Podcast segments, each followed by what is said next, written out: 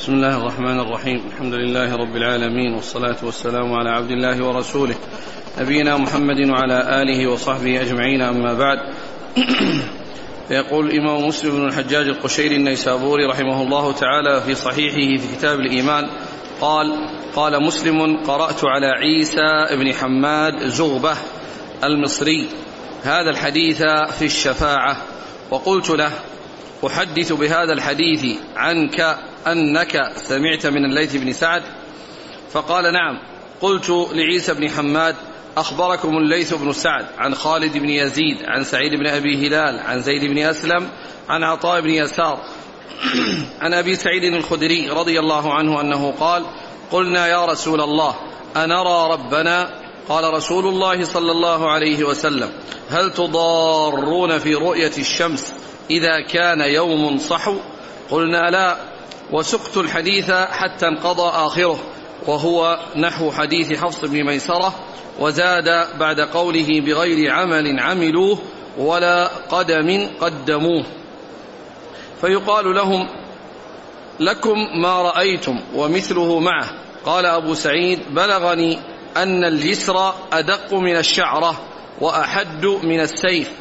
وليس في حديث الليث فيقولون ربنا أعطيتنا ما لم تعط أحدا من العالمين وما بعده فأقر به عيسى بن حماد. بسم الله الرحمن الرحيم. الحمد لله رب العالمين. وصلى الله وسلم وبارك على عبده ورسوله نبينا محمد وعلى آله وأصحابه أجمعين. أما بعد فهذا الحديث من أحاديث من أحاديث رؤية الله عز وجل في الدار الآخرة. وأن المؤمنين يرونه بأبصارهم. وقد مرت الأحاديث عند مسلم رحمه الله في الدرس الماضي المتعلقة بموضوع الرؤية وذكر هذا الحديث في آخرها وهو الذي ذكره مسلم رحمه الله على سبيل العرض. والعرض هو أن يقرأ التلميذ على الشيخ الحديث بإسناده ومتنه ثم بعد ذلك في الآخر يقر به فيقول نعم أو يعني فيقول نعم أو يحدث عنه بقوله فأقر به أو يعبر عنه بقوله فأقر به. هذا هو العرض. العرض على الشيخ أن يذكر التلميذ أو يقرأ التلميذ على الشيخ الإسناد والمتن ثم بعد ذلك يقر به الشيخ فيقول نعم أو فأقر به أو يعبر عنه فيقول فأقر به. إما أن يعبر عنه بنفسه فيقول نعم أو يقول الراوي عنه فأقر به. والإقرار به ليس بلازم لأنه يأتي أحيانا الإسناد والمتن وفيه العرض أولا والاستفهام في أوله ولكنه لا يذكر في آخره فأقر به. وذلك كاف ومعتبر. إذا كان الشيخ عندما يقرأ عليه كان متنبها متيقظا فإن فإنه لا يلزم الإقرار أو لا يلزم ذكر الإقرار. وهذا يعني جاء في في الأحاديث ما فيه الأحاديث المتعلقة بالعرض ما فيه الإقرار في آخره وما فيه عدم الإقرار ولكنه يعني الذي عدم الإقرار يكون معتبرا وأنه أقر به إذا كان حافظا متيقظا منتبها. إذا كان يعني منتبها متيقظا عندما يقرأ عليه فلا يلزم أن يقال في آخره فأقر به. وهنا في هذا الحديث الإمام مسلم أخبره رحمه الله أخبر بأنه قال لشيخه عيسى بن حماد الملقب زغبة المصري آه، حدثكم أو حديث أروي عنك حديث فلان آه، عن فلان قال نعم ثم إن مسلما رحمه الله ذكر العرض فقال أخبركم أخبركم فلان أي أخبركم فلان عن كذا وكذا وكذا فيقول في الآخر الراوي عنه فأقر به كما هنا لأن في آخر الحديث قال فأقر به. وأحال على حديث متقدم ولكنه أشار إلى آه، زيادة ونقصان يعني فيه يعني أن هذا الذي قرأه عليه وعرضه عليه لم يسق المعروض عليه كاملا وإنما حال على حديث سابق وعلى رواية سابقة ولكنه ذكر في آخرها بقوله في قوله فأقر به. آه، أقرأ المتن قال يجاه قال قلنا يا رسول الله أنرى ربنا؟ قال صلى الله عليه وسلم هل تضارون في رؤية الشمس؟ إذا كان يوم صحو. قلنا لا وسقت الحديث حتى انقضى آخره وهو حديث ما حفص بن ميسرة. وزاد بعد قوله بغير عمل عملوه ولا قدم قدموه.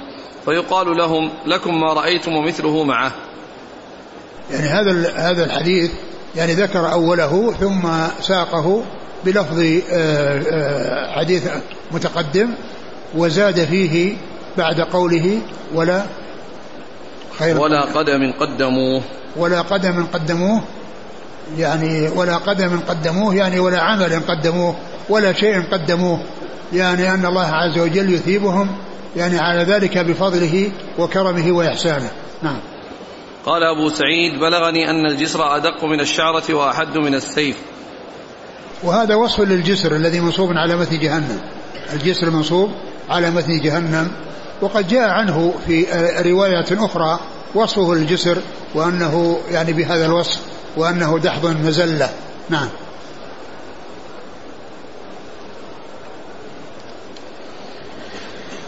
قال وليس في حديث الليث فيقولون ربنا أعطيتنا ما لم تعطي أحدا من العالمين وما بعده و يعني هذا من الأشياء التي ليس موجودة. يعني في هذا الذي آه، عرضه. على شيخه عيسى بن حماد المصري. نعم. قال مسلم قرأت على عيسى بن حماد زغبة المصري. نعم. قرأت فقال نعم. نعم. في الأول. نعم. قرأت على حماد على عيسى بن حماد زغبة المصري حديث. الشف... هذا الحديث في الشفاعة وقلت له أحدث بهذا الحديث عنك أنك سمعت من الليث. قال نعم قلت يعني أولا استأذنه بأن يعرض عليه. وقال نعم. ثم إنه عرض عليه فقال أخبركم. أخبركم فلان عن فلان عن فلان حتى ذكر الحديث وذكر فيه زيادات ونقصان وفي الآخر قال فأقر به. يعني يقوله مسلم. يعني أقر به عيسى بن آه، آه، عيسى بن حماد الملقب زقبة أقر بهذا الذي قرأه عليه وعرضه عليه. نعم. قلت لعيسى بن حماد أخبركم الليث بن سعد عن خالد بن يزيد عن سعيد بن أبي هلال عن زيد بن أسلم عن عطاء بن يسار عن أبي سعيد الخدري. إيه نعم. قال وحدثناه أبو بكر بن أبي شيبة قال حدثنا جعفر بن عون قال حدثنا هشام بن سعد قال حدثنا زيد بن أسلم بإسنادهما نحو حديث حفص بن ميسرة إلى آخره وقد زاد ونقص شيئا. نعم. قال وحدثناه أبو بكر بن أبي شيبة عن جعفر بن عون نعم. عن هشام بن سعد نعم. عن زيد بن أسلم. نعم. قال وحدثني هارون بن سعيد الأيلي. قال حدثنا ابن وهب. قال أخبرني مالك بن أنس عن عمرو بن يحيى بن عمارة. قال حدثني أبي عن أبي سعيد الخدري رضي الله عنه أن رسول الله صلى الله عليه وآله وسلم قال يدخل الله أهل الجنة الجنة. يدخل من, من يشاء برحمته ويدخل أهل النار النار. ثم يقول انظروا من وجدتم في قلبه مثقال حبة من خردل من إيمان فأخرجوه فيخرجون منها حمما. قد امتحشوا فيلقون في نهر الحياة أو الحياة فينبتون فيه كما تنبت الحبة إلى جانب السيل. ألم تروها كيف تخرج صفراء ملتوية؟ انتهى. نعم. ثم ذكر هذا الحديث في الشفاعة. هذا الحديث من آه،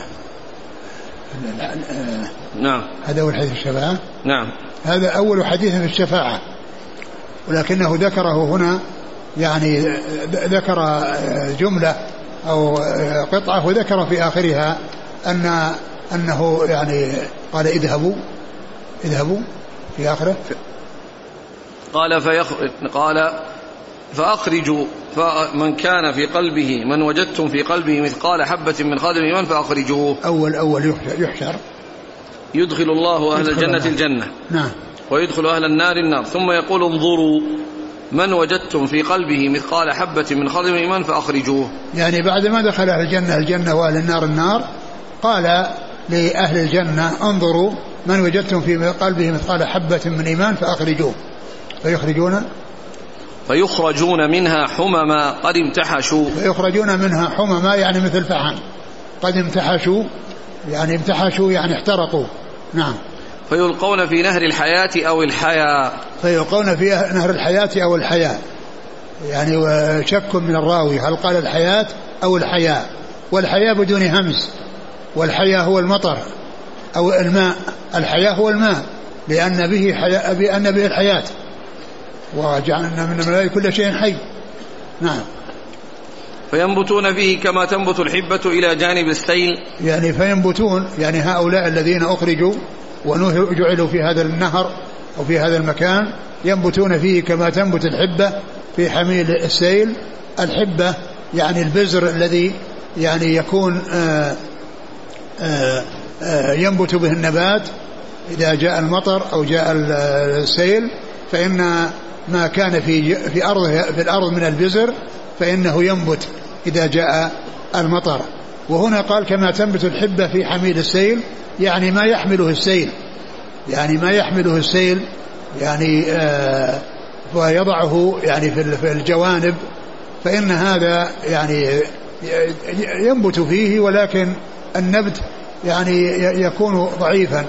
قال كما تنبت الحبة في حمل السيل ألا ترونها؟ ألم تروها كيف تخرج صفراء ملتوية؟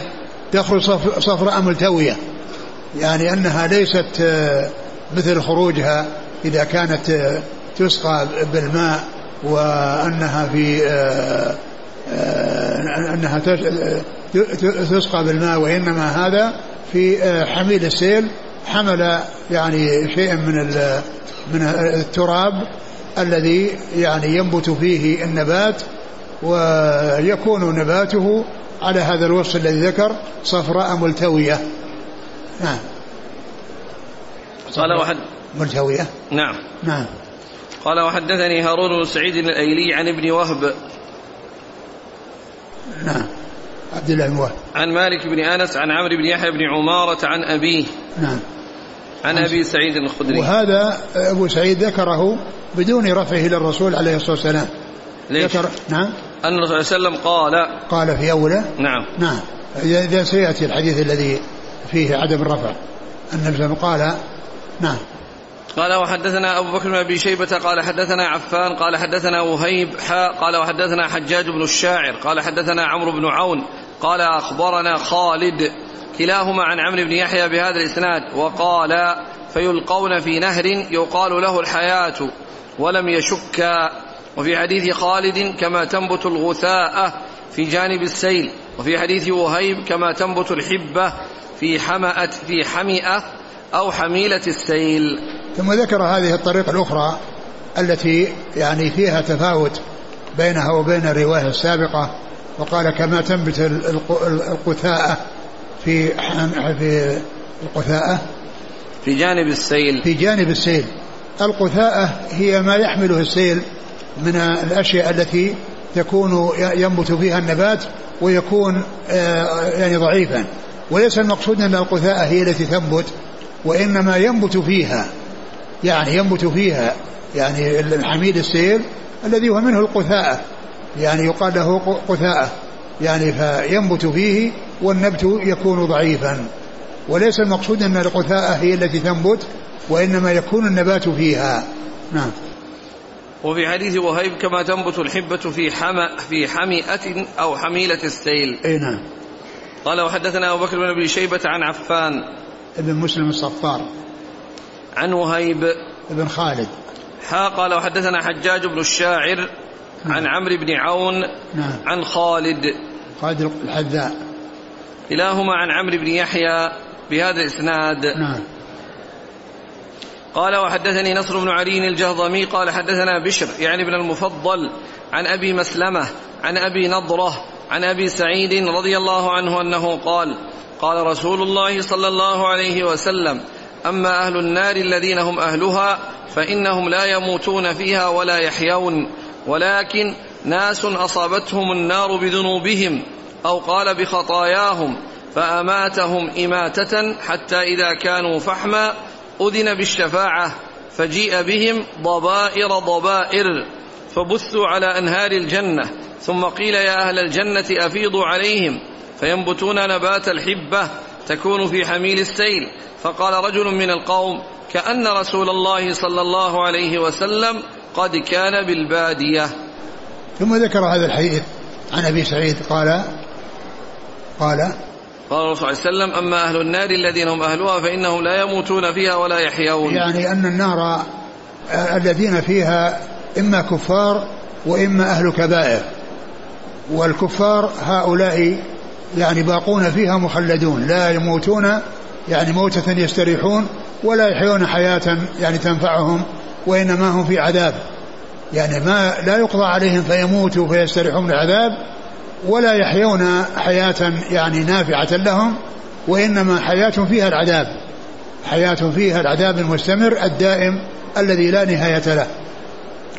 وأما أصحاب المعاصي الذين يعني آه، يقعون في النار أو آه، تأخذهم النار إذا مروا على الصراط وخطفتهم الكلاليب فهؤلاء قال وأما أهل الذنوب والمعاصي ولكن ناس أصابتهم النار بذنوبهم أو قال بخطاياهم فأماتهم إماتة حتى إذا كانوا فحما أذن بالشفاعة فجيء بهم ضبائر ضبائر. يعني وأما أصحاب الذنوب والمعاصي الذين آه الذين هم مسلمون وشاء الله عز وجل أن يعذبوا ولم يشأ أن يرحمهم ويتجاوز عنهم فوقعوا في النار فإنهم يعذبون يعذبون فيها ما شاء الله أن يعذبوا ثم يموتون إماتة فيعني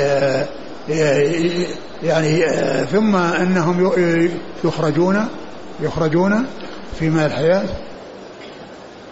لكن أناس أصابتهم النار بذنوبهم فأماتهم إماتة حتى إذا كانوا فحما أذن بالشفاعة أماتهم إماتة أماتهم إماتة. يحتمل أن يكون يعني حصل لهم يعني الموت يعني وأنهم يعني صاروا إلى هذه الحالة التي يعني آه، كالحمى كالفحم وأنهم آه، بعد ذلك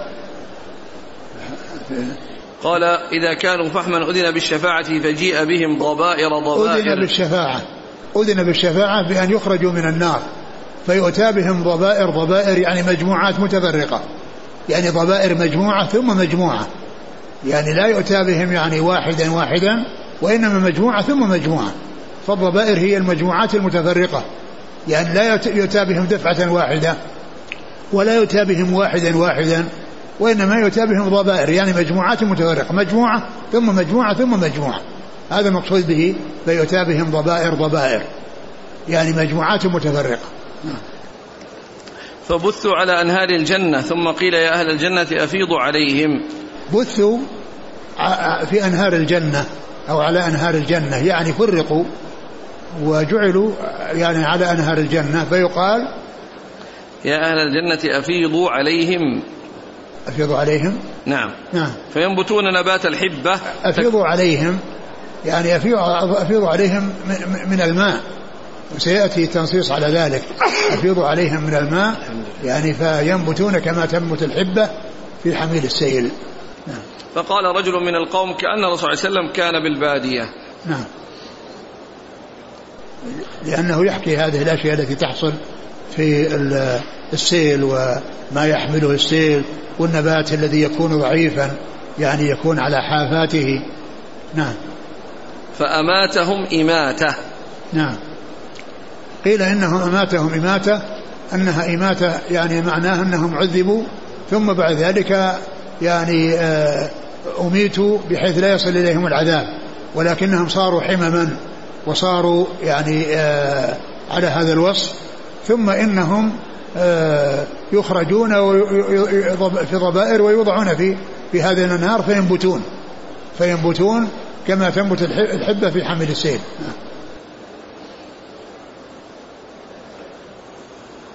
قال وحدثني نصر بن علي الجهضمي. نعم.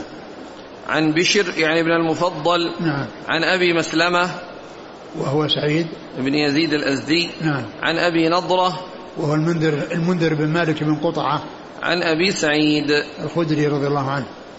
قال وحدثناه محمد بن المثنى وابن بشار. قال حدثنا محمد بن جعفر. قال حدثنا شعبة عن أبي مسلمة. قال سمعت أبا نضرة عن أبي سعيد الخدري عن النبي صلى الله عليه وسلم بمثله إلى قوله في حميل السيل. ولم يذكر ما بعده. نعم. قال وحدثناه محمد بن المثنى وابن بشار. نعم. عن محمد بن جعفر. هو غندر. عن شعبة عن أبي مسلمة.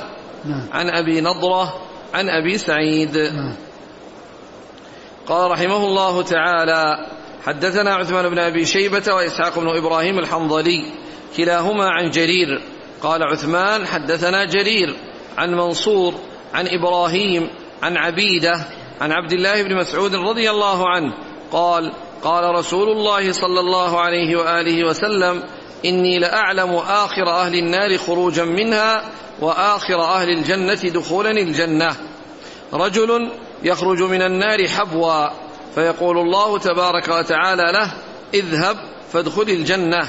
فيأتيها فيخيل إليه أنها ملأى فيرجع فيقول يا ربي وجدتها ملأى فيقول الله تبارك وتعالى له اذهب فادخل الجنة. قال فيأتيها فيخيل إليه أنها ملأى فيرجع فيقول يا ربي وجدتها ملأى. فيقول الله له اذهب فادخل الجنة فإن لك مثل الدنيا وعشرة أمثالها أو إن لك عشرة أمثال الدنيا. قال فيقول أتسخر بي؟ أو أتضحك بي وأنت الملك؟ قال لقد رأيت رسول الله صلى الله عليه وسلم ضحك حتى بدت نواجذه. قال فكان يقال ذاك أدنى أهل الجنة منزلة. ثم ذكر هذا الحديث عن أبي سعيد في آخر عبد الله بن مسعود. عن عبد الله بن مسعود رضي الله تعالى عنه عن آخر من يخرج من النار وآ- وآخر من يدخل الجنة. آخر أهل النار خروجا وأول وآخر أهل, أهل الجنة دخولا فيها. ف وهذا إنما يخرج ب يعني إما بالشفاعة أو برحمة الله عز وجل. كما سبق أن مر في الأحاديث أن اناسا يخرجون بشفاعة الشافعين وأناس يخرجون برحمة أرحم الراحمين سبحانه وتعالى. فبين عليه الصلاة والسلام أن آخر آه، أهل الجنة دخولا وآخر أهل الناس خروجا رجل يعني يخرج من النار يزحف يحبو يعني يحبو يعني معناها على يديه وركبتيه أو على يديه ورجليه. وجاء في بعض الروايات أنه يزحف والزحف إنما يكون على مقعدته إنما يكون على مقعدته وهذا هو الزحف. فيكون ما جاء في هذا الحديث من ذكر الحبو وما جاء في الحديث الآخر في ذكر السحف الزحف يوفق بينهما أنه أحيانا يزحف وأحيانا يحبو. نعم. إيش إيش يقول؟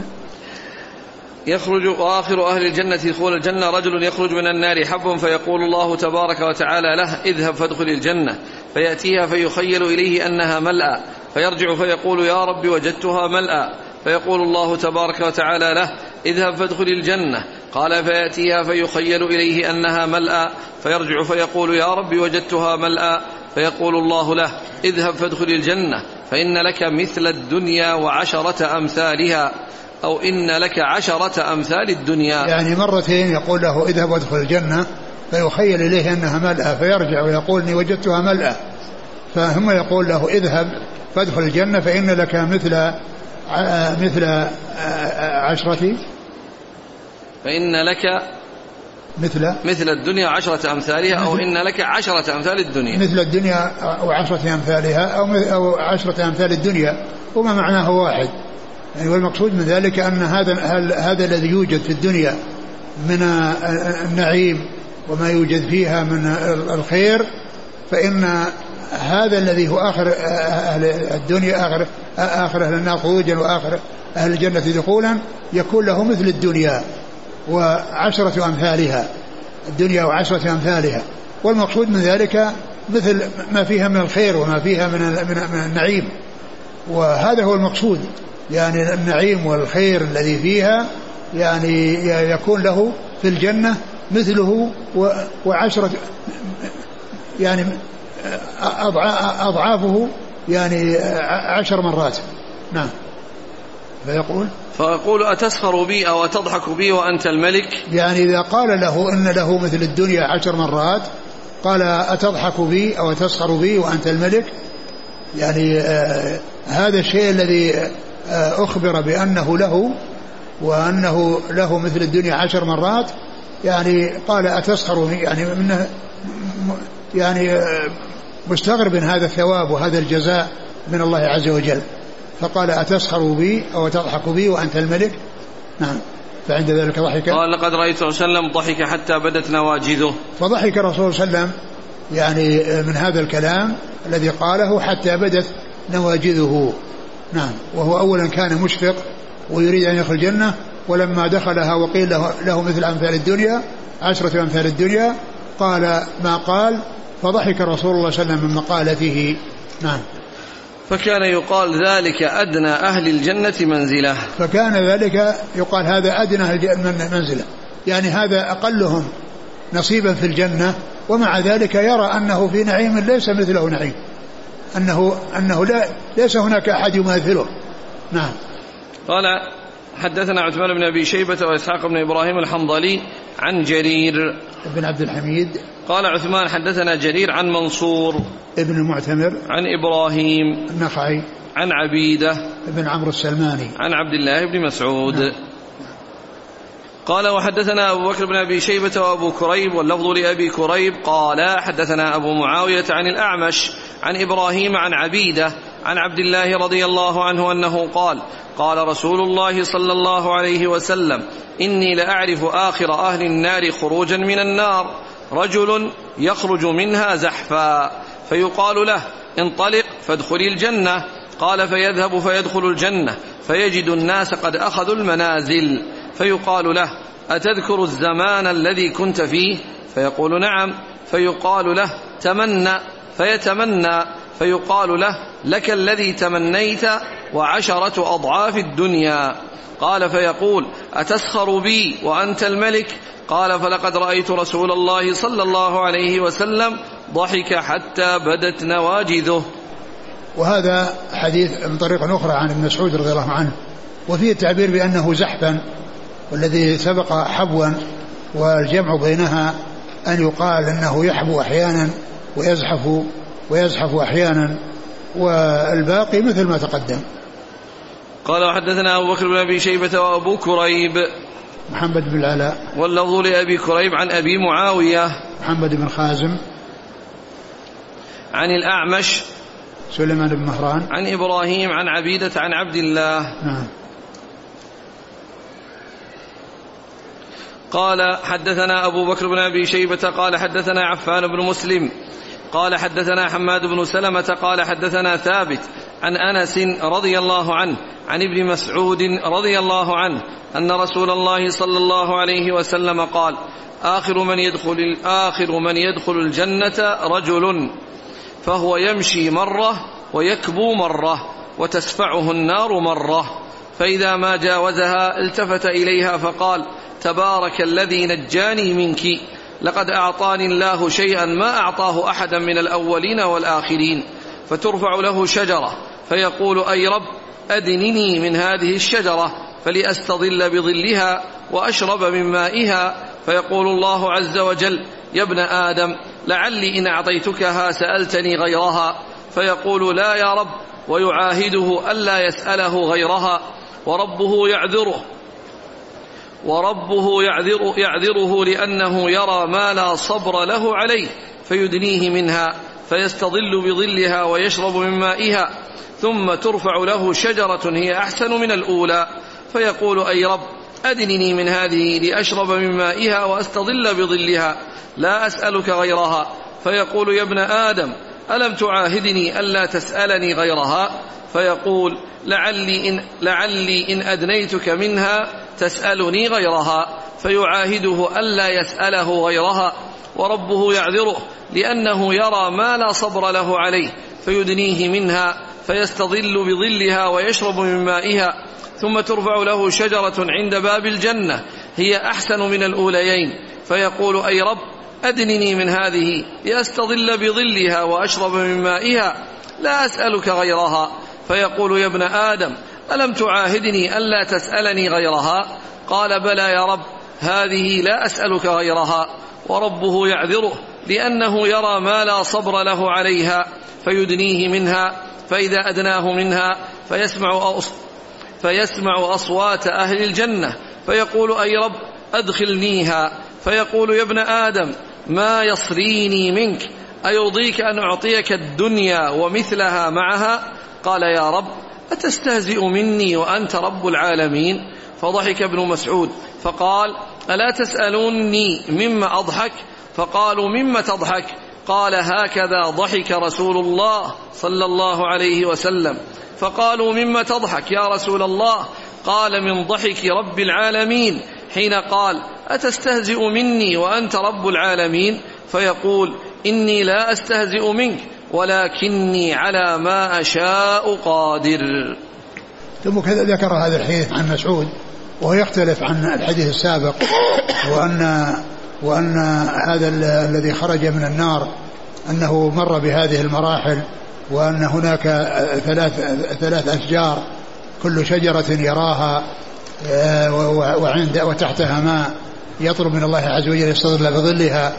ثم الثانية ثم الثالثة وهي أحسن منها ثم بعد ذلك يسمع أصوات أهل, أهل الجنة فيدخل الله الجنة ويعطيه ما يعطيه من النعيم فيها. وهذا الحديث يعني يختلف عن غيره من الأحاديث. يعني في آه، وصف هذا الخارج من النار. فيحمل على أن على أن ما لا يمكن الجمع بينه بأن يكون يعني عدد يعني هذا يخرج من النار ويحصل له هذا وهذا يخرج من النار ويكون كلهم متصفون بهذه الصفة التي هو من آخر أهل النار آه، خروجا وأول, وأول وآخر أهل الجنة دخولا. ف آه، لا يكون هذه الأحاديث كلها في شخص واحد وهي متفاوتة في صيغها وألفاظها وما يحصل والمراحل التي يمر بها وإنما ما أمكن منها يعتبر حديثا واحدا وما لم يمكن يعتبر أن كل كل واحد آه، آه، شخص من الأشخاص هذه حاله ويكون الجميع كلهم من آخر من آخر من يخرج من النار وآخر من يدخل الجنة. نعم. قال حدثنا أبو بكر بن أبي شيبة عن عفان بن مسلم عن حماد بن سلمة عن ثابت بن أسلم البناني. عن أنس بن مالك. عن ابن مسعود. يا ابن آدم ما يصريني منك؟ إيش العبارة إيش قال النووي فيها؟ فيسمع أصوات أهل الجنة فيقول أي رب أدخلنيها؟ فيقول يا ابن آدم ما يصريني منك؟ أيرضيك أن أعطيك الدنيا ومثلها؟ يعني شوف كلام النووي في معناها. أي شيء يرضيك ويقطع السؤال بيني وبينك؟ يعني معناه أن يعني ما الذي يرضيك ويقطع السؤال بيني وبينك؟ يعني بمعنى أنه تنتهي أسئلته المتكررة بحيث يعني آه ينتهي عن هذه الأسئلة. نعم. ولكني على ما أشاء قادر. نعم. الله على كل شيء قدير. نعم. قال حدثنا أبو بكر بن أبي شيبة قال حدثنا يحيى بن أبي يحيى بن أبي بكير. قال حدثنا زهير بن محمد عن سهيل بن أبي صالح عن النعمان بن أبي عياش عن أبي سعيد الخدري رضي الله عنه أن رسول الله صلى الله عليه وسلم قال إن أدنى أهل الجنة منزلة رجل صرف الله وجهه عن النار قبل الجنة ومثل له شجرة ومش ومثل له شجرة ذات ظل فقال أي ربي قدمني إلى هذه الشجرة أكون في ظلها. وساق الحديث بنحو حديث ابن مسعود ولم يذكر فيقول يا ابن آدم ما يصريني منك إلى آخر الحديث. وزاد فيه ويذكره الله سل كذا وكذا. فإذا انقطعت به الأماني قال الله هو لك وعشرة أمثاله. قال ثم يدخل بيته فتدخل عليه زوجتاه من الحور العين فتقولان الحمد لله الذي أحياك لنا وأحيانا لك. قال فيقول ما أعطي أحد مثل ما أعطيت. ثم ذكر هذا الحديث من طريق أخرى وحال على بعضه ما تقدم وذكر زيادات وفي آخرها قال ما أعطي أحد مثل ما أعطيت. يعني هذا الذي يعطيه وهو آخر أهل الجنة دخولا الجنة يعني يرى أن ما في أحد مثله في هذا العطاء. مع أنه أدنى أهل الجنة منزلة. يعني فكيف أصحاب الدرجات العلى الذين أكرمهم الله عز وجل وأكرمهم بالدرجات العالية؟ هذا الذي هو آخر من يدخل الجنة ويعطى هذا العطاء ويقول إنه ليس أحد مثله. وهذا يدل على عظم نعيم الجنة وأن الذي يكون في أدنى منزلة يعتبر نفسه أنه ليس هناك أحسن منه. نعم. قال حدثنا أبو بكر بن أبي شيبة عن يحيى بن أبي بكير عن زهير بن محمد عن سهيل بن أبي صالح عن النعمان بن أبي عياش عن أبي سعيد الخدري. نعم. قال حدثنا سعيد بن عمرو الأشعثي قال حدثنا سفيان بن عيينة عن مطرف وابن أبجر عن الشعبي قال سمعت المغيرة بن شعبة رواية إن شاء الله. حاء قال حدثنا ابن أبي عمر قال حدثنا سفيان قال حدثنا مطرف بن طريف وعبد الملك بن, سعيد. أنهما سمع الشعبي يخبر عن المغيرة بن شعبة رضي الله عنه قال سمعته على المنبر يرفعه إلى رسول الله صلى الله عليه وسلم. قال وحدثني بشر بن الحكم واللفظ له قال حدثنا سفيان بن عيينة قال حدثنا مطرف وابن أبجر أنهما سمع الشعبي يقول سمعت المغيرة بن شعبة رضي الله عنه يخبر به الناس على المنبر. قال سفيان رفعه أحدهما أراه ابن أبجر. قال سأل موسى ربه ما أدنى أهل الجنة منزله؟ قال هو رجل يجيء بعدما أدخل أهل الجنة الجنة. فيقال له ادخل الجنة. فيقول أي رب كيف؟ وقد نزل الناس منازلهم وأخذوا أخذ أخذاتهم. فيقال له أترضى أن يكون لك مثل ملك ملك من ملوك الدنيا؟ فيقول رضيت ربي. فيقول لك ذلك ومثله ومثله ومثله ومثله. فقال في الخامسة رضيت ربي. فيقول هذا لك وعشرة أمثاله. ولك ما اشتهت نفسك. ولذت عينك فيقول رضيت ربي. قال ربي فأعلاهم منزله. قال أولئك الذين أردت غ... أردت غرست أولئك الذين أردت غرست كرامتهم بيدي وختمت عليها فلم تر عين ولم تسمع أذن ولم يخطر على قلب بشر. قال ومصداقه في كتاب الله عز وجل فلا تعلم نفس ما أخفي لهم من قرة أعين. الآية. ثم ذكر حديث المغيرة بن شعبة رضي الله عنه من طرق وفي الطريق الأولى قال قال سمعته إن شاء الله. رواية إن شاء الله. رواية إن شاء الله. كلمة رواية هذه معناها تعادل قال قال رسول الله. تعادل قال رسول الله أو عن رسول الله صلى الله عليه وسلم. فكلمة رواية وينميه ويرويه هذه من العبارات التي يختصر بها رفع الحديث إلى الرسول عليه الصلاة والسلام. بدل ما يقول قال رسول الله صلى الله عليه وسلم يقول عن رسول الله رواية. يعني معناه أنه يرفع إلى الرسول صلى الله عليه وسلم. فكلمة رواية ويرويه وينميه هذه عبارات هي بمعنى الرفع موضوعة عند المحدثين بمعنى الرفع.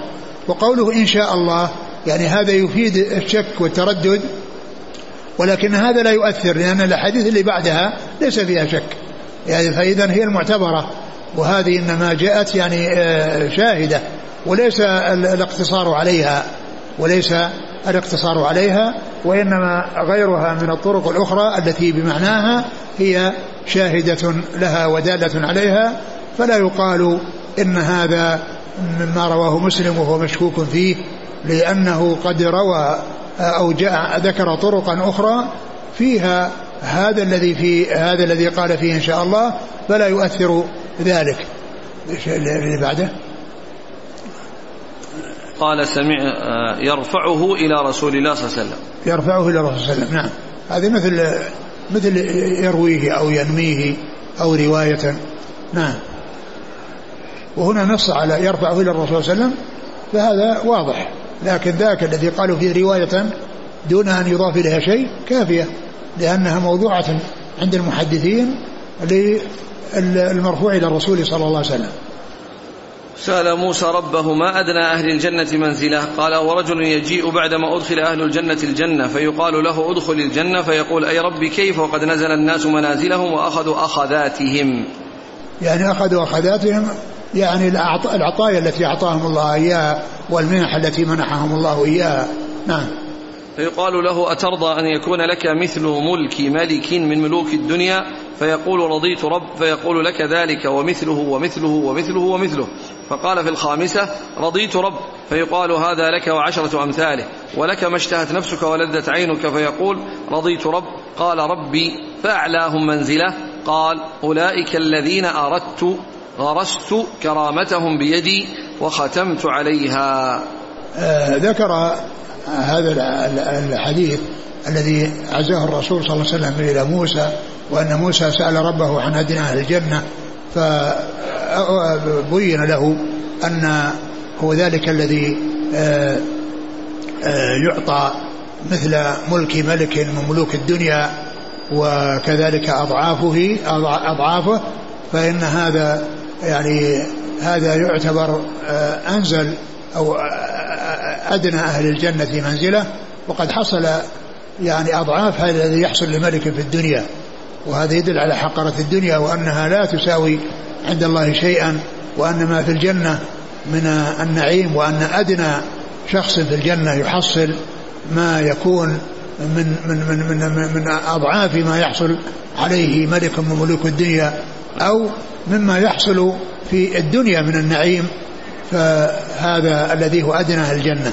وسأل موسى أعلاهم سأله عن أدناهم وأعلاهم. فقال عليه الصلاة والسلام يعني قال قال, قال الله, أولئك الذين أردت. قال الله ذلك أردت أردت غرست كرامته. غرست كرامتهم بيدي. غرست كرامتهم بيدي. قال أردت يعني يمكن أن يكون المقصود بها أردت تمييزهم. ورفعتهم فغرست كرامتهم بيدي. يعني ف يعني هذا زيادة في شرفهم وإكرامهم أنه غرس كرامتهم بيده وهذا فيه يعني الدليل على أن الله عز وجل غرس يعني بيده هذه المنزلة العالية في الجنة والذي جاء في الأحاديث مضافا إلى يد الله سبحانه وتعالى ثلاثة. جاء فيها خلق آدم بيده وجاء فيها أنه غرس الجنة بيده كما هنا وجاء فيها أنه خط التوراة بيده. جاء خط التوراة بيده.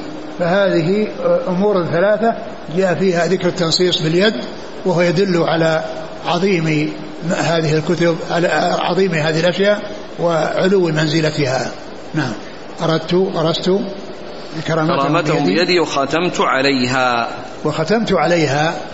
يعني آه، ختمت عليها إيش بعدها؟ ولم ترى عين ولم ولم تسمع أذن ولم يخطر على قلب بشر وختم عليها بأن تكون يعني هذه منازلهم وأنه لم يرى لم ترى عين ولم تسمع أذن ولا خطر على قلب بشر يعني ما يجدونه من النعيم في هذه آه، الدرجة من الجنة وفي هذه المنزلة من الجنة التي غرسها الله تعالى بيده. نعم. ومصداقه في كتاب الله فلا تعلم نفس ما أخفي لهم من قرة أعين. الآية. يعني الذي يصدق ذلك ويدل عليه من القرآن هذه الآية. فلا تعلم نفس ما أخفي لهم من قرة أعين.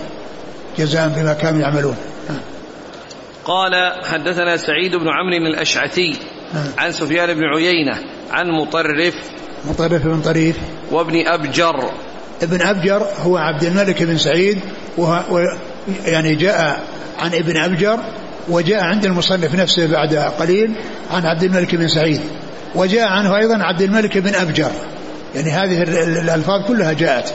فإذا ذكره مرة آه، مختصر بذكر اسمه بذكر نسبته ومرة بذكر اسمه واسم أبيه ومرة باسمه واسم جده. نعم. عن الشعبي. عامر بن شراحيل. عن المغيرة بن شعبة. نعم. حا قال وحدثنا ابن أبي عمر العدني عن سفيان ابن عيينة. عن مطرف بن طريف وعبد الملك بن سعيد عن الشعبي عن المغيرة بن شعبة. نعم. قال وحدثني بشر بن الحكم واللفظ له عن سفيان بن عيينة عن مطرف وابن أبجر عن الشعبي عن المغيرة بن شعبة. نعم. قال حدثنا أبو كريب قال حدثنا عبيد الله الأشجعي عن عبد الملك بن أبجر قال سمعت الشعبي يقول سمعت المغيرة بن شعبة يقول على المنبر إن موسى عليه السلام سأل الله عز وجل عن أخس أهل الجنة منها حظا وساق الحديث بنحوه. يعني ذكر الحديث وقال أخسي يعني أردى أرداهم وأنزلهم وأقلهم منزلة وأدناهم منزلة. نعم. قال حدثنا أبو كريب عن عبيد الله الأشجعي نعم. عن عبد الملك بن أبجر عن الشعبي عن المغيرة بن شعبة. نعم.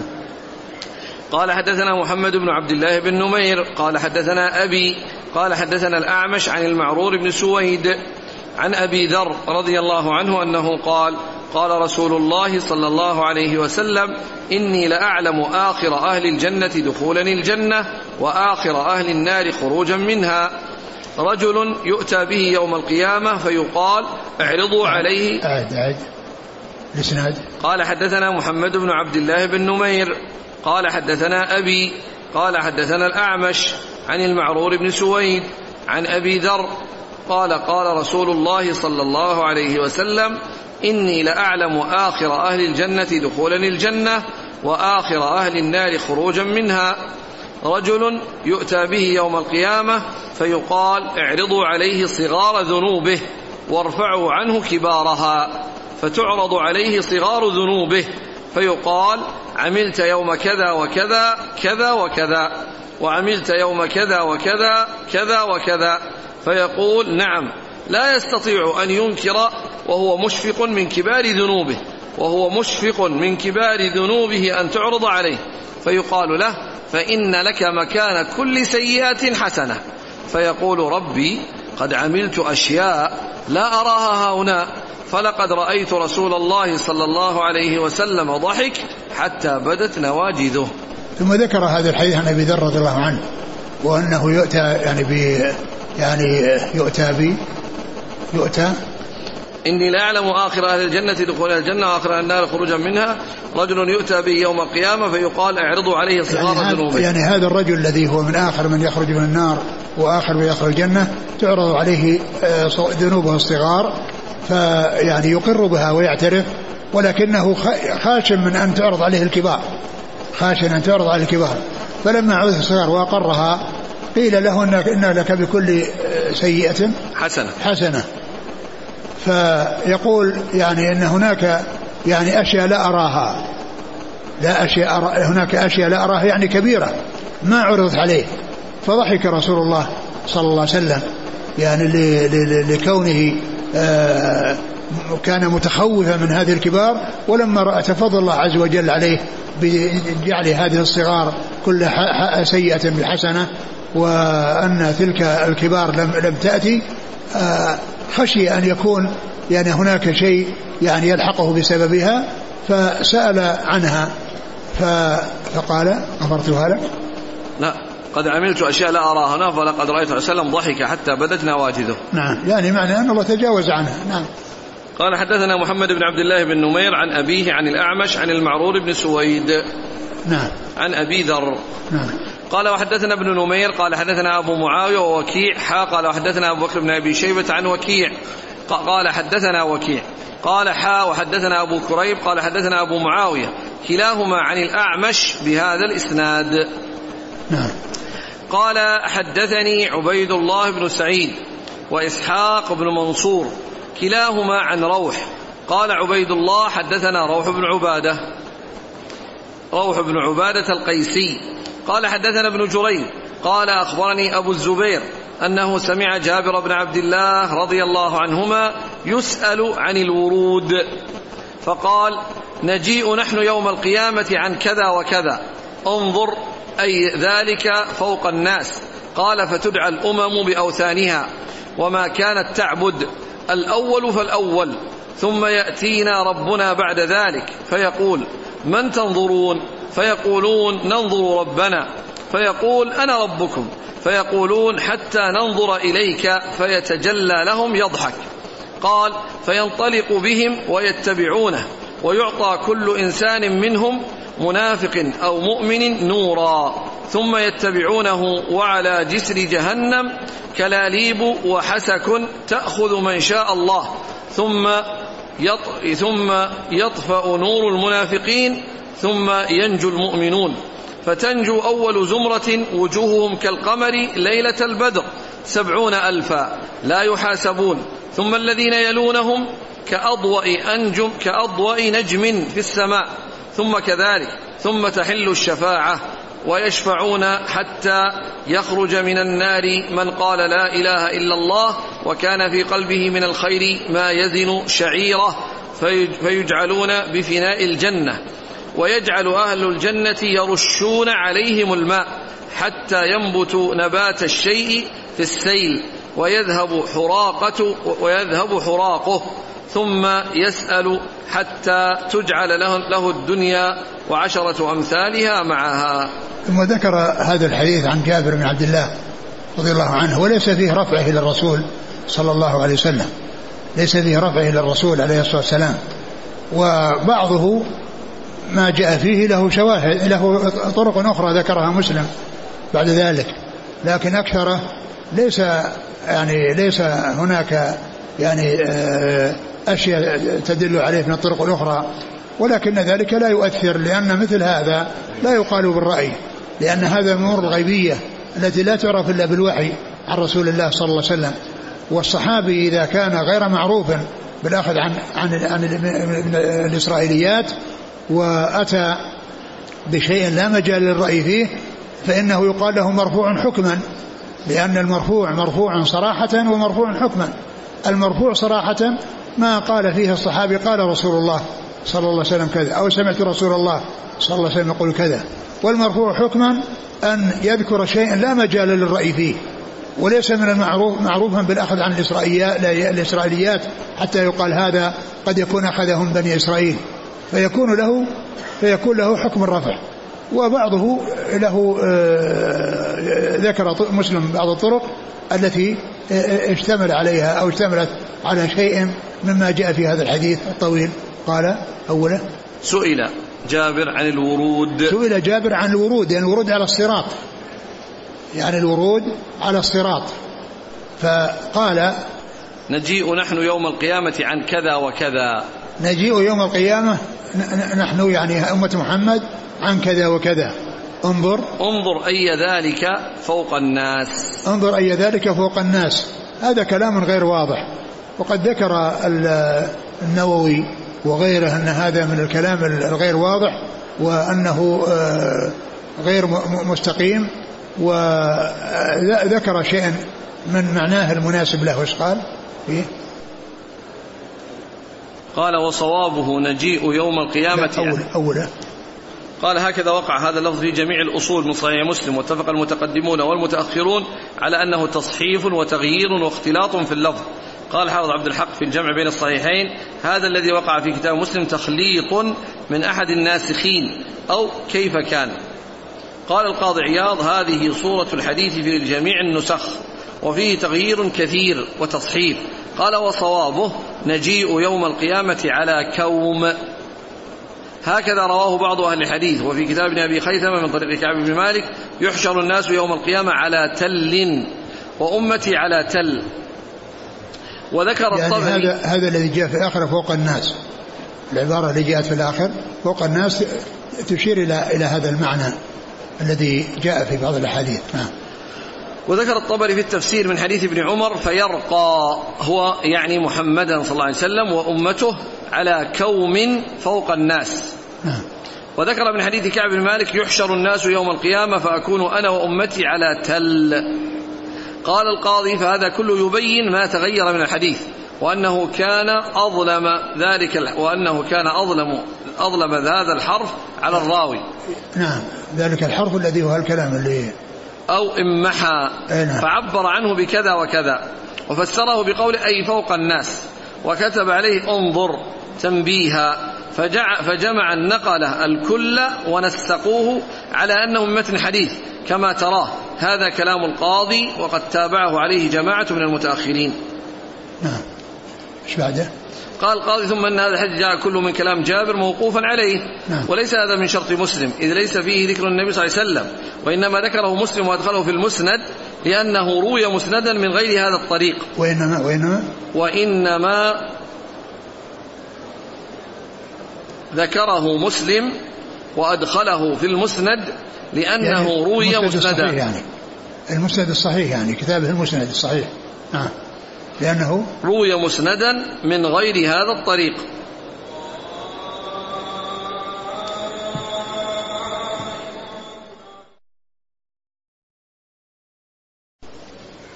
نعم.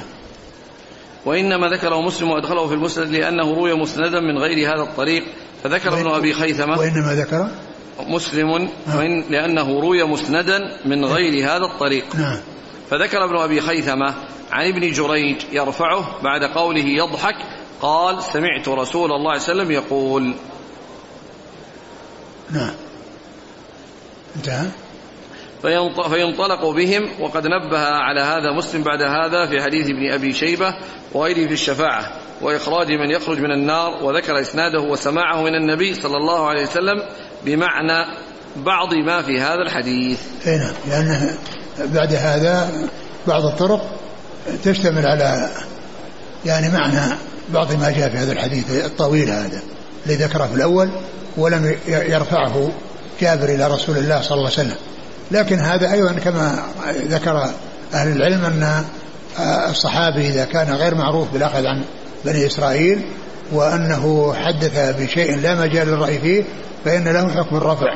وهذا هو اللي يسمونه المرفوع حكما يعني أنه في حكم مرفوع. وإن لم يكن منصوصا عليه لأنه مجال لا مجال للرأي فيه. أما الرأي الذي للرأي فيه مجال كما يتعلق بمسائل الفقهية أو بأمور يعني تتعلق بأحكام فهذا للرأي فيه مجال. فهذا للرأي, للرأي فيه مجال ولكن الذي يعتبر مرفوعا حكما الذي ليس للرأي فيه مجال. وهذا كله مما ليس للرأي فيه مجال. ما يعرف إلا عن طريق الوحي. هذا الكلام اللي جاء في الحديث كله لا يعرف إلا عن طريق الوحي. نعم. قال فتدعى الأمم بأوثانها وما كانت تعبد الأول فالأول. نعم. يعني هذا سبق أن نتقدم يعني أحاديث مشتملة على هذا وأن كل أمة تتبع ما كانت تعبد فيتبع كل من يعبده وتبقى هذه الأمة فيها مؤمنوها ومنافقوها. نعم. ثم يأتينا ربنا بعد ذلك فيقول من تنظرون؟ فيقولون ننظر ربنا فيقول أنا ربكم؟ فيقولون حتى ننظر إليك فيتجلى لهم يضحك. نعم. قال فينطلق بهم ويتبعونه ويعطى كل إنسان منهم منافق أو مؤمن نورا. ثم يتبعونه وعلى جسر جهنم كلاليب وحسك. تأخذ من شاء الله. ثم يطفأ نور المنافقين. يعني المنافقون يعني يعني يكون فيه نور ولكنه ينطفئ فيقعون في النار ويبقون فيها أبد الآباد. وأما أمة محمد عليه الصلاة والسلام الذين ليسوا منافقون منهم من يعبر الصراط بسرعة ويكون ممن يعني ليس يعني عليه حساب ولا عذاب ومنهم من يتجاوز عنه ويعفى عنه ومنهم من يقع في النار ولكنه يخرج منها ويدخل الجنة. ولا يبقى في النار أبد الآباد إلا الكفار سواء الكفر العلني أو الكفر المضمر الذي هو كفر المنافقين الذين يظهرون الإيمان ويبطن الكفر فإنهم في أسفل دركات النار كما قال الله عز وجل إن المنافقين في الدرك الأسفل من النار. نعم. ثم ينجو المؤمنون فتنجو أول زمرة وجوههم كالقمر ليلة البدر سبعون ألفا لا يحاسبون. ثم الذين يلونهم كأضواء نجم في السماء. ثم كذلك ثم تحل الشفاعة ويشفعون حتى يخرج من النار من قال لا إله إلا الله وكان في قلبه من الخير ما يزن شعيرة فيجعلون بفناء الجنة ويجعل أهل الجنة يرشون عليهم الماء حتى ينبتوا نبات الشيء في السيل. يعني يرشون عليهم الماء من الجنة فينبتون. نعم. ويذهب حراقه. حراقه يعني الشيء الذي احترق يعني من وجهه أو من جسده. وقد مر أنه يعني أثر السجود هو الذي يبقى وغيره يحترق. نعم. ثم يسأل حتى تجعل له الدنيا وعشرة أمثالها معها. نعم. قال حدثني عبيد الله بن سعيد وإسحاق بن منصور عن روح بن عبادة القيسي. قال عبيد الله حدثنا روح بن عبادة القيسي قال حدثنا ابن جريج عبد الملك بن عبد العزيز بن جريج. عن أبي الزبير محمد بن مسلم بن تدرس. عن جابر بن عبد الله. نعم. قال حدثنا أبو بكر بن أبي شيبة قال حدثنا سفيان بن عيينة عن عمرو أنه سمع جابرا يقول سمعه من النبي صلى الله عليه وسلم بأذنه يقول إن الله يخرج ناسا من النار فيدخلهم الجنة. نعم وهذا فيه رفع ذلك إلى الرسول صلى الله عليه وسلم وأنه يخرج ناسا من النار ويدخلهم الجنة. قال حدثنا أبو بكر بن أبي شيبة عن سفيان بن عيينة عن عمرو. عمرو بن دينار. عن جابر. قال حدثنا أبو الربيع قال حدثنا حماد بن زيد قال قلت لعمرو بن دينار أسمعت جابر بن عبد الله يحدث عن رسول الله صلى الله عليه وسلم أن الله يخرج قوما من النار بالشفاعة؟ قال نعم. نعم. وهذا من مما رفعه إلى الرسول صلى الله عليه وسلم وأنه يخرج ناسا أو قوما من النار بالشفاعة. نعم. قال حدثنا أبو الربيع. الزهراني.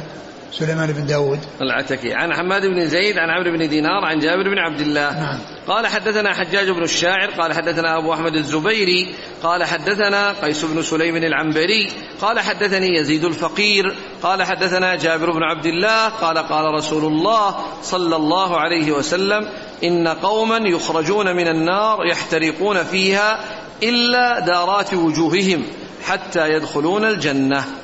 ثم أيضا ذكر هذا الحديث عن جابر وفيه أنه ناس يعني يحترقون إلى دارات وجوههم وهذا دارات وجوههم لمحل السجود. وقد جاء فيما تقدم أنها مواضع السجود وقيل إنها الأعضاء السبعة وقيل أن المقصود بها الوجه الذي آه، يعفره الإنسان لربه في التراب تقربا إليه سبحانه وتعالى. فهذا فيه التنصيص على يعني ما يتعلق بالوجه. نعم. قال حدثنا حجاج الشاعر عن أبي أحمد الزبيري نعم. عن قيس بن سليم العنبري عن يزيد الفقير. يزيد بن صهيب الفقير. يزيد بن صهيب الفقير. وهذا قيل له الفقير يعني المتبادر إلى الذهن أن الفقير آه نسبة إلى الفقر. ولكن آه غير الواقع غير ذلك. قال لأنه كان يشكو فقار ظهره حتى أنه ينحني بسبب الوجع الذي يحسه بفقار ظهره. فقيل له الفقير من أجل فقار ظهره؟ وهذه نسبة إلى غير ما يسبق إلى الذهن. لا, لا يعتبر در الذهن من كلمة الفقير أنه يوجع ظهره أو أن فقار ظهره تؤلمه. فهذا من جنس الحداء الحداء وكذلك الضال وغير ذلك من الألقاب التي يتبادر للذهن منها معنى يعني والواقع خلافه. عن جابر. نعم. نعم لله بعد ذلك يأتي. الحديث الطويل بعد نعم نعم. والله تعالى أعلم وصلى الله وسلم وبارك على عبده ورسوله نبينا محمد وعلى آله وأصحابه أجمعين. جزاكم الله خيرا وبارك الله فيكم. والهمكم الله الصواب ووفقكم للحق. شفاكم الله وعافاكم ونفعنا الله ما سمعنا. غفر الله لنا ولكم وللمسلمين أجمعين. آمين. يقول أحسن الله إليك ذكرتم في درس سابق أن الرؤيا تكون مطابقة وأحيانا غير مطابقة بل تكون ضرب أمثال كما في سورة يوسف. السؤال ما هي ما هو تفسير رؤية الرسول صلى الله عليه وسلم أن المسيح الدجال يطوف بالبيت؟ لم تكن مطابقة ما المراد بها؟ آه، هي كما كما قلت يحتمل أن تكون هذه الرؤيا غير مطابقة لكن ما ندري إيش تفسيرها. أقول لا ندري ما, ما, ما تفسيرها. لكن الرؤيا المطابقة أنه يعني بالفعل يحصل منه ذلك. بالفعل هذا هو الذي يحصل منه. عيسى بن مريم يحصل منه ذلك. لكن بالنسبة للدجال لا يحصل منه ذلك. إذا لا بد من تأويل. وهذا التأويل يعني يكون بضرب المثال. فلا أدري. لا أعرف يعني هذا التأويل إيش هو. لكن هذا هو الذي يحمل عليه. هذا هو الذي يحمل عليه طوافه. مع أنه لا يدخل لا يدخل مكة ولا يدخل المدينة. إذا لابد أن يكون ورؤيا الأنبياء كلها رؤيا الأنبياء حق. فتكون هذه آه، من قبيل ضرب المثال لكن لا ندري إيش هذا.